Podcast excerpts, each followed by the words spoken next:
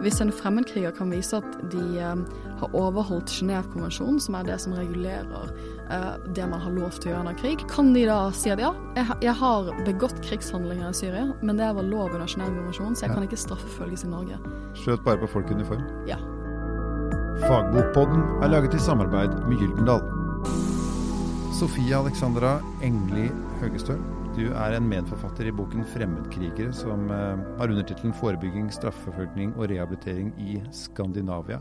Sammen med Anna Andersson og Anne Kristine Lie så eh, har dere på en måte på bredt vis eh, angrepet temaet. Det er mange forfattere her. Er en antologi. Det er det. Ja, hva, hva, hva er det som gjør det spesielt med Siden det står i Skandinavia, så har, ikke, har ikke vi på en måte tatt i dette før? Ja, nei. Jeg, jeg tror for oss det som var litt spennende, var at um, vi, når vi begynte å se på tematikken, altså fremmedkrigere, så så vi at de skandinaviske landene egentlig valgt forskjellige fremgangsmåter. Forskjellig type lovverk, litt forskjellig type politisamarbeid. I måten å håndtere I måten å håndtere Mm. fenomenet. Så Mm. vi, vi var jo Vi um, uh, jobbet alle sammen da på Norsk senter for menneskerettigheter. Um, og Anna Andersen er svensk, jeg er jo norsk. Uh, og vi hadde begge, begge begynt å se på fremmedkrigertematikken fra norsk og svensk perspektiv. Og så hadde vi en gjesteforsker fra Danmark som forsker på fremmedkrigere. Så plutselig hadde vi et skandinavisk perspektiv på jobb. Og da eh, tenkte vi at det hadde vært kjempegøy å ha en ordentlig fagkonferanse hvor vi inviterte folk bredt fra Skandinavia med forskjellig type fagbakgrunn til å diskutere fremmedkrigerfenomenet. Og det gjorde vi i eh, november 2016. Eh, og så når vi satt på konferansen, tenkte vi her har vi egentlig en bok. Og da samlet vi sammen de bidragsyterne som kom på konferansen og lagde denne boken. Ja, du, for du, har jo bakgrunn som jurist. Mm. Eh, og så tenker jeg at eh, vi snakker om fremmedkrigere, og, og nå i 2018 så tenker vi automatisk IS, Syria-konflikten osv. Men vi har jo hatt dette fenomenet før også. altså har Folk vi. har vært i den franske fremmedlegionen, de har vært i Jom Absolutt. Kipur-krigen, de har vært i Mm. Så hvorfor, eh, hvorfor har vi dette på, som ord først nå, tror du? Det er et godt spørsmål. Altså, hvis du går tilbake til 30-tallet, så var det jo nordmenn som reiste til Spania for å delta på den spanske borgerkrigen. Og da fikk faktisk Norge sin første fremmedkrigerlov, det var jo ikke det man kalte det på 1930-tallet, eh, som gjorde det ulovlig å reise og delta i den konflikten. Eh, så vi har jo, dette er jo tema som, som går langt tilbake i tid. Eh, men med opprettelsen av den såkalte sta staten IS, så tematiserte dette på en helt annen måte. Litt fordi at man fikk IS har jo vært veldig flink til å bruke sosiale medier.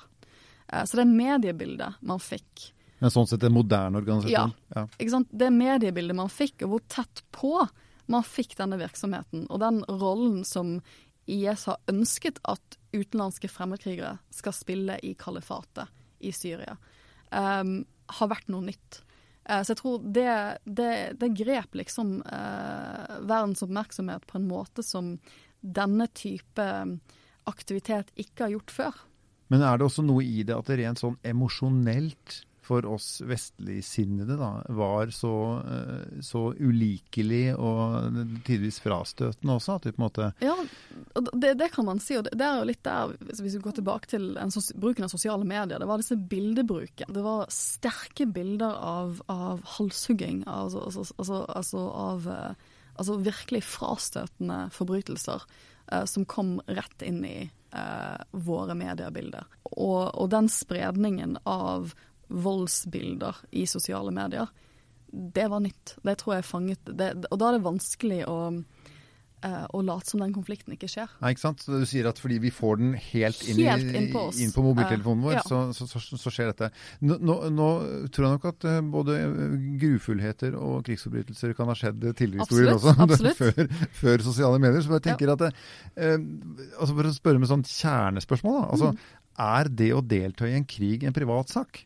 Det er et veldig godt spørsmål, og det var jo litt min sånn innfallsvinkel inn i denne problemstillingen. For da jeg begynte å se på dette i 2014, så diskuterte Norge om man skulle utvide det norske lovverket enda litt mer ved å gjøre det ulovlig å delta i væpnet konflikt i utlandet. For vi sender jo soldater For vi sender jo soldater.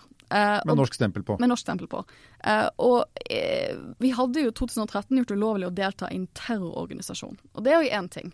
Det er jo en veldig spesifikk organisasjon man deltar i, en terrororganisasjon.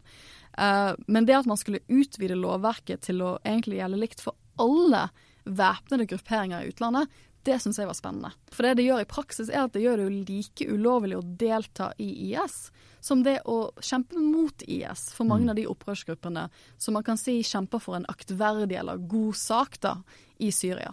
Det å likestille de to tingene, det syns jeg var spennende. Eh, fagmessig. Ja, og, og, det kan jeg forstå. fordi at det er jo enkeltmenneskets frihet til å handle ut ifra sin politiske, religiøse overbevisning osv. som ligger til grunn her. Og ja. om man går i den ene eller andre siden i en konflikt. Altså Du hadde nordmenn som reiste til Tyskland for å delta på nazistenes side under andre verdenskrig også.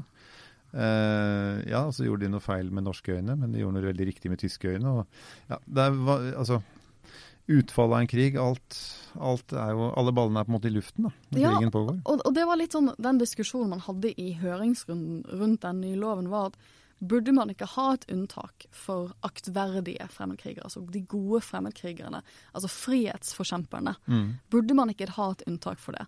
Og det gikk man frem og tilbake på om man skulle prøve å skrive inn lovteksten, men man fant ikke, eller Lovavdelingen i Justisdepartementet de, de, de, følte at de ikke fant en god nok måte å gjøre det på. Og de ville heller rent prinsipielt at alt skulle være like ulovlig. Eh, og det som jeg syntes var spennende, var at eh, Riksadvokaten, som jo liksom leder statsadvokaten i Norge, de skrev et høringssvar eh, i 2014 hvor de også gikk mot den nye loven, for de mente at den kriminaliserte forberedt. Fordi at den kriminaliserte alle. Og det er jo ikke det, For meg var det litt spesielt at uh, de som da skal sitte og gjøre dette i praksis, og straffefølge fremmedkrigere i praksis, sa at dette her ble litt for vidt for min del. Ok, Så de syns liksom at det var ålreit å straffefølge de som gjorde det de mente selv var feil? Ja. Sette det på spissen, Mens de gjorde det de mente selv var riktig, så var det greit? De kom med sitt eget lovforslag i sitt høringssvaret. høringssvar. Det de ville var at staten skulle ta det ansvaret.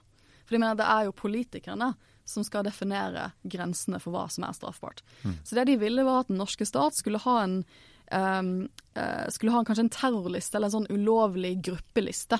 Som Stortinget da skulle si at OK, det er ulovlig å reise til Syria f.eks. Det er en konflikt der nå er ulovlig å delta i. Mm. Og så skulle det bare være å reise til Syria som var ulovlig, men du kunne reise til andre konfliktområder.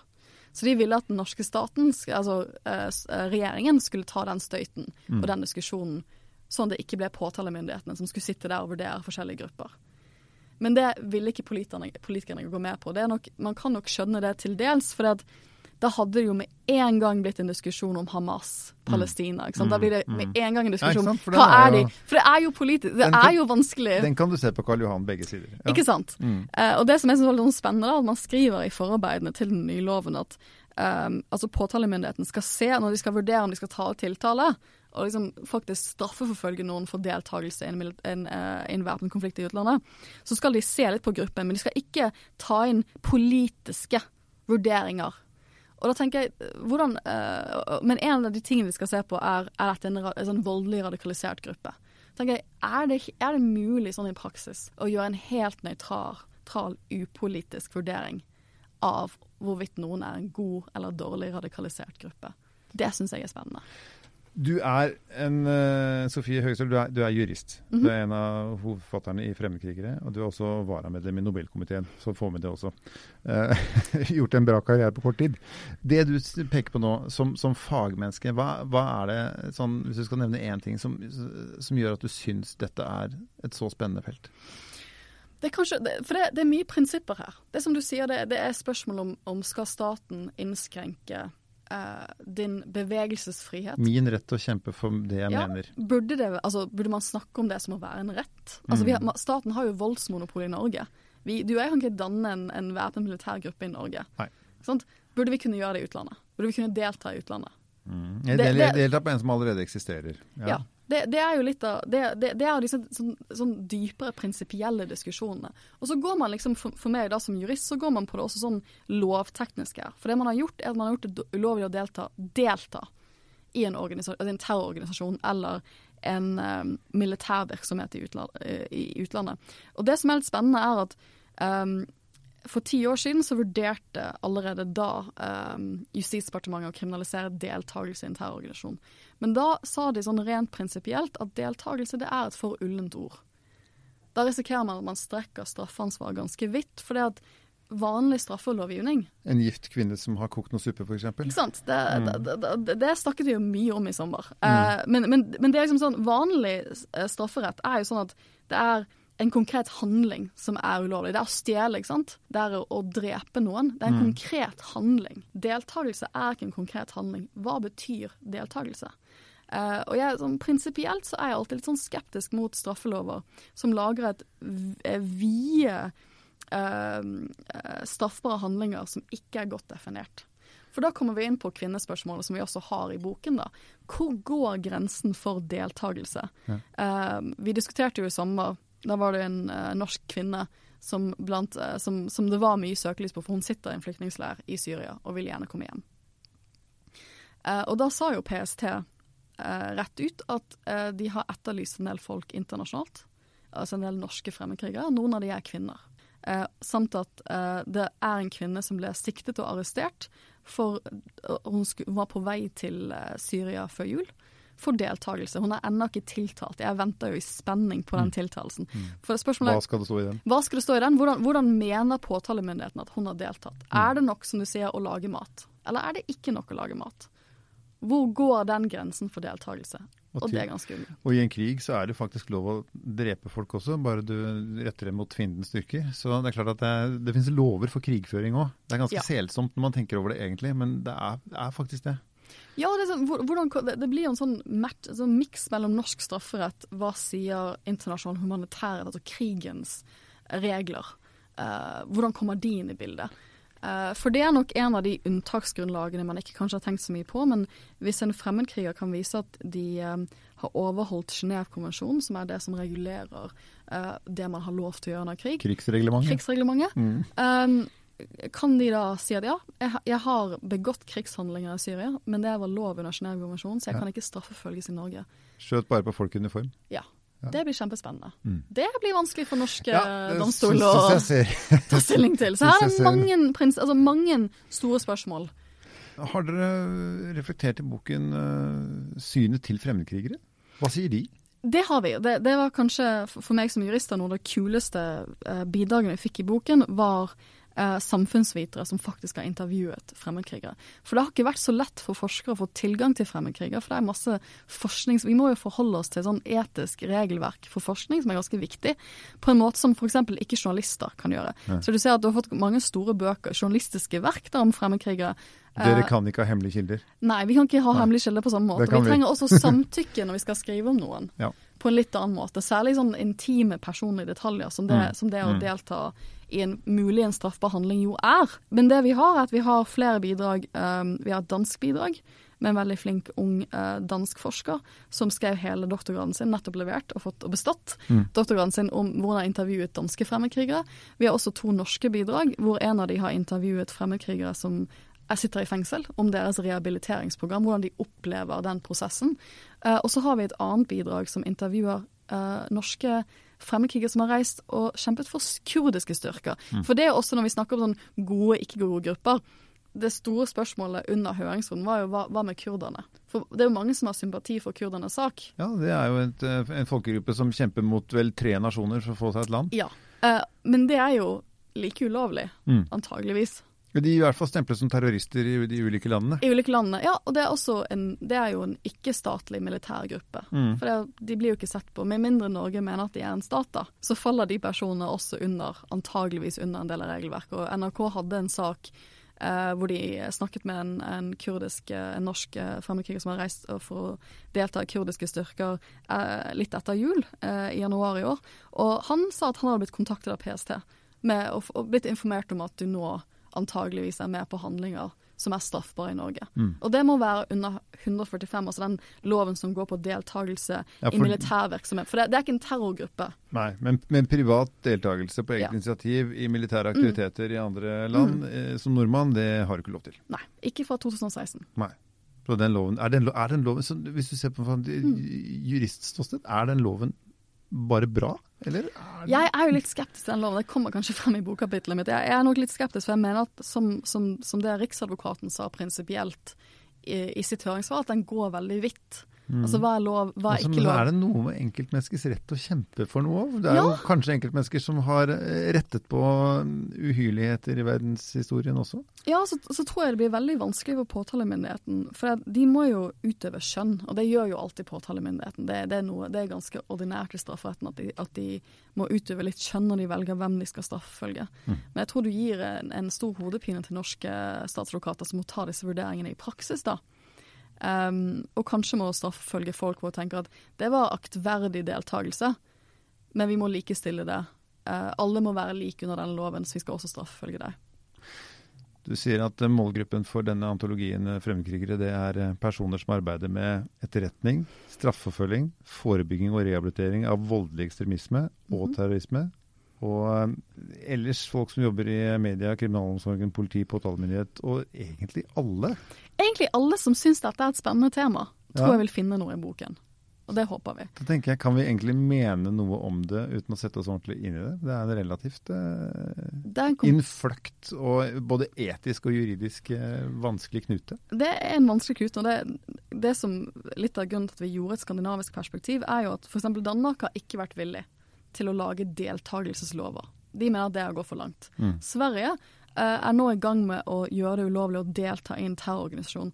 Og det har de gjort etter terrorhandlingene uh, i Sverige for ja, to år siden, et år siden. Og da har de sett på det norske lovverket. Så Sverige er i ferd med å kopiere deler av det norske lovverket. For det, det vi har greid, som de andre skandinaviske landene ikke har greid, det er at vi har strafffølt mange av de som har kommet tilbake igjen. Sverige har ikke, har ikke hatt et lovverk for det. Så de har ikke greid det samme. Så nå, nå holder de på å endre sitt lovverk på bakgrunn av vår straffelovgivning. Uh, så dette er jo, og det vi, det vi syns er spennende nå, det du ser nå, at folk kommer jo kanskje hjem. Og det var, det var jo mye av den diskusjonen i sommer. Har noen en rett til å komme hjem og få hjelp fra Norge til å komme hjem fra konfliktbildet, når man har reist på eget initiativ til Syria eller Irak for å mm. delta i denne konflikten? Uh, og der var det jo sterke følelser. at Det føles litt at spørsmål uh, knyttet til fremmedkrigere. Hva med barn? Vi vet at det er barn av norske fremmedkrigere i konfliktsonen. Eh, burde vi hente de hjem på en eller annen måte? Mm. Og hvis vi henter de hjem, da må vi jo nesten hente mødrene deres hjem også, altså foreldrene. Det er vanskelig å hente den ene og ikke den andre. Og alle barn trenger en pappa? Ja, ja, så han? Hva med han? Eh, så, så det, det, her er det vanskelige etiske spørsmål eh, som pågår, men også rehabilitering. For de som har kommet hjem og vi har straffefølt og dømt, de må jo få et fullverdig rehabiliteringstilbud i fengselet. Og Vi fokuserer også en del på det og politimetoder. Hvordan avverger vi? Og hvordan jobber vi med disse målgruppene etter de kommer hjem? Sofie Høgestøl, tusen takk for at du kom. Takk. Takk for at du lånte øre til Fagbokpodden, som er laget i samarbeid med Gyldendal.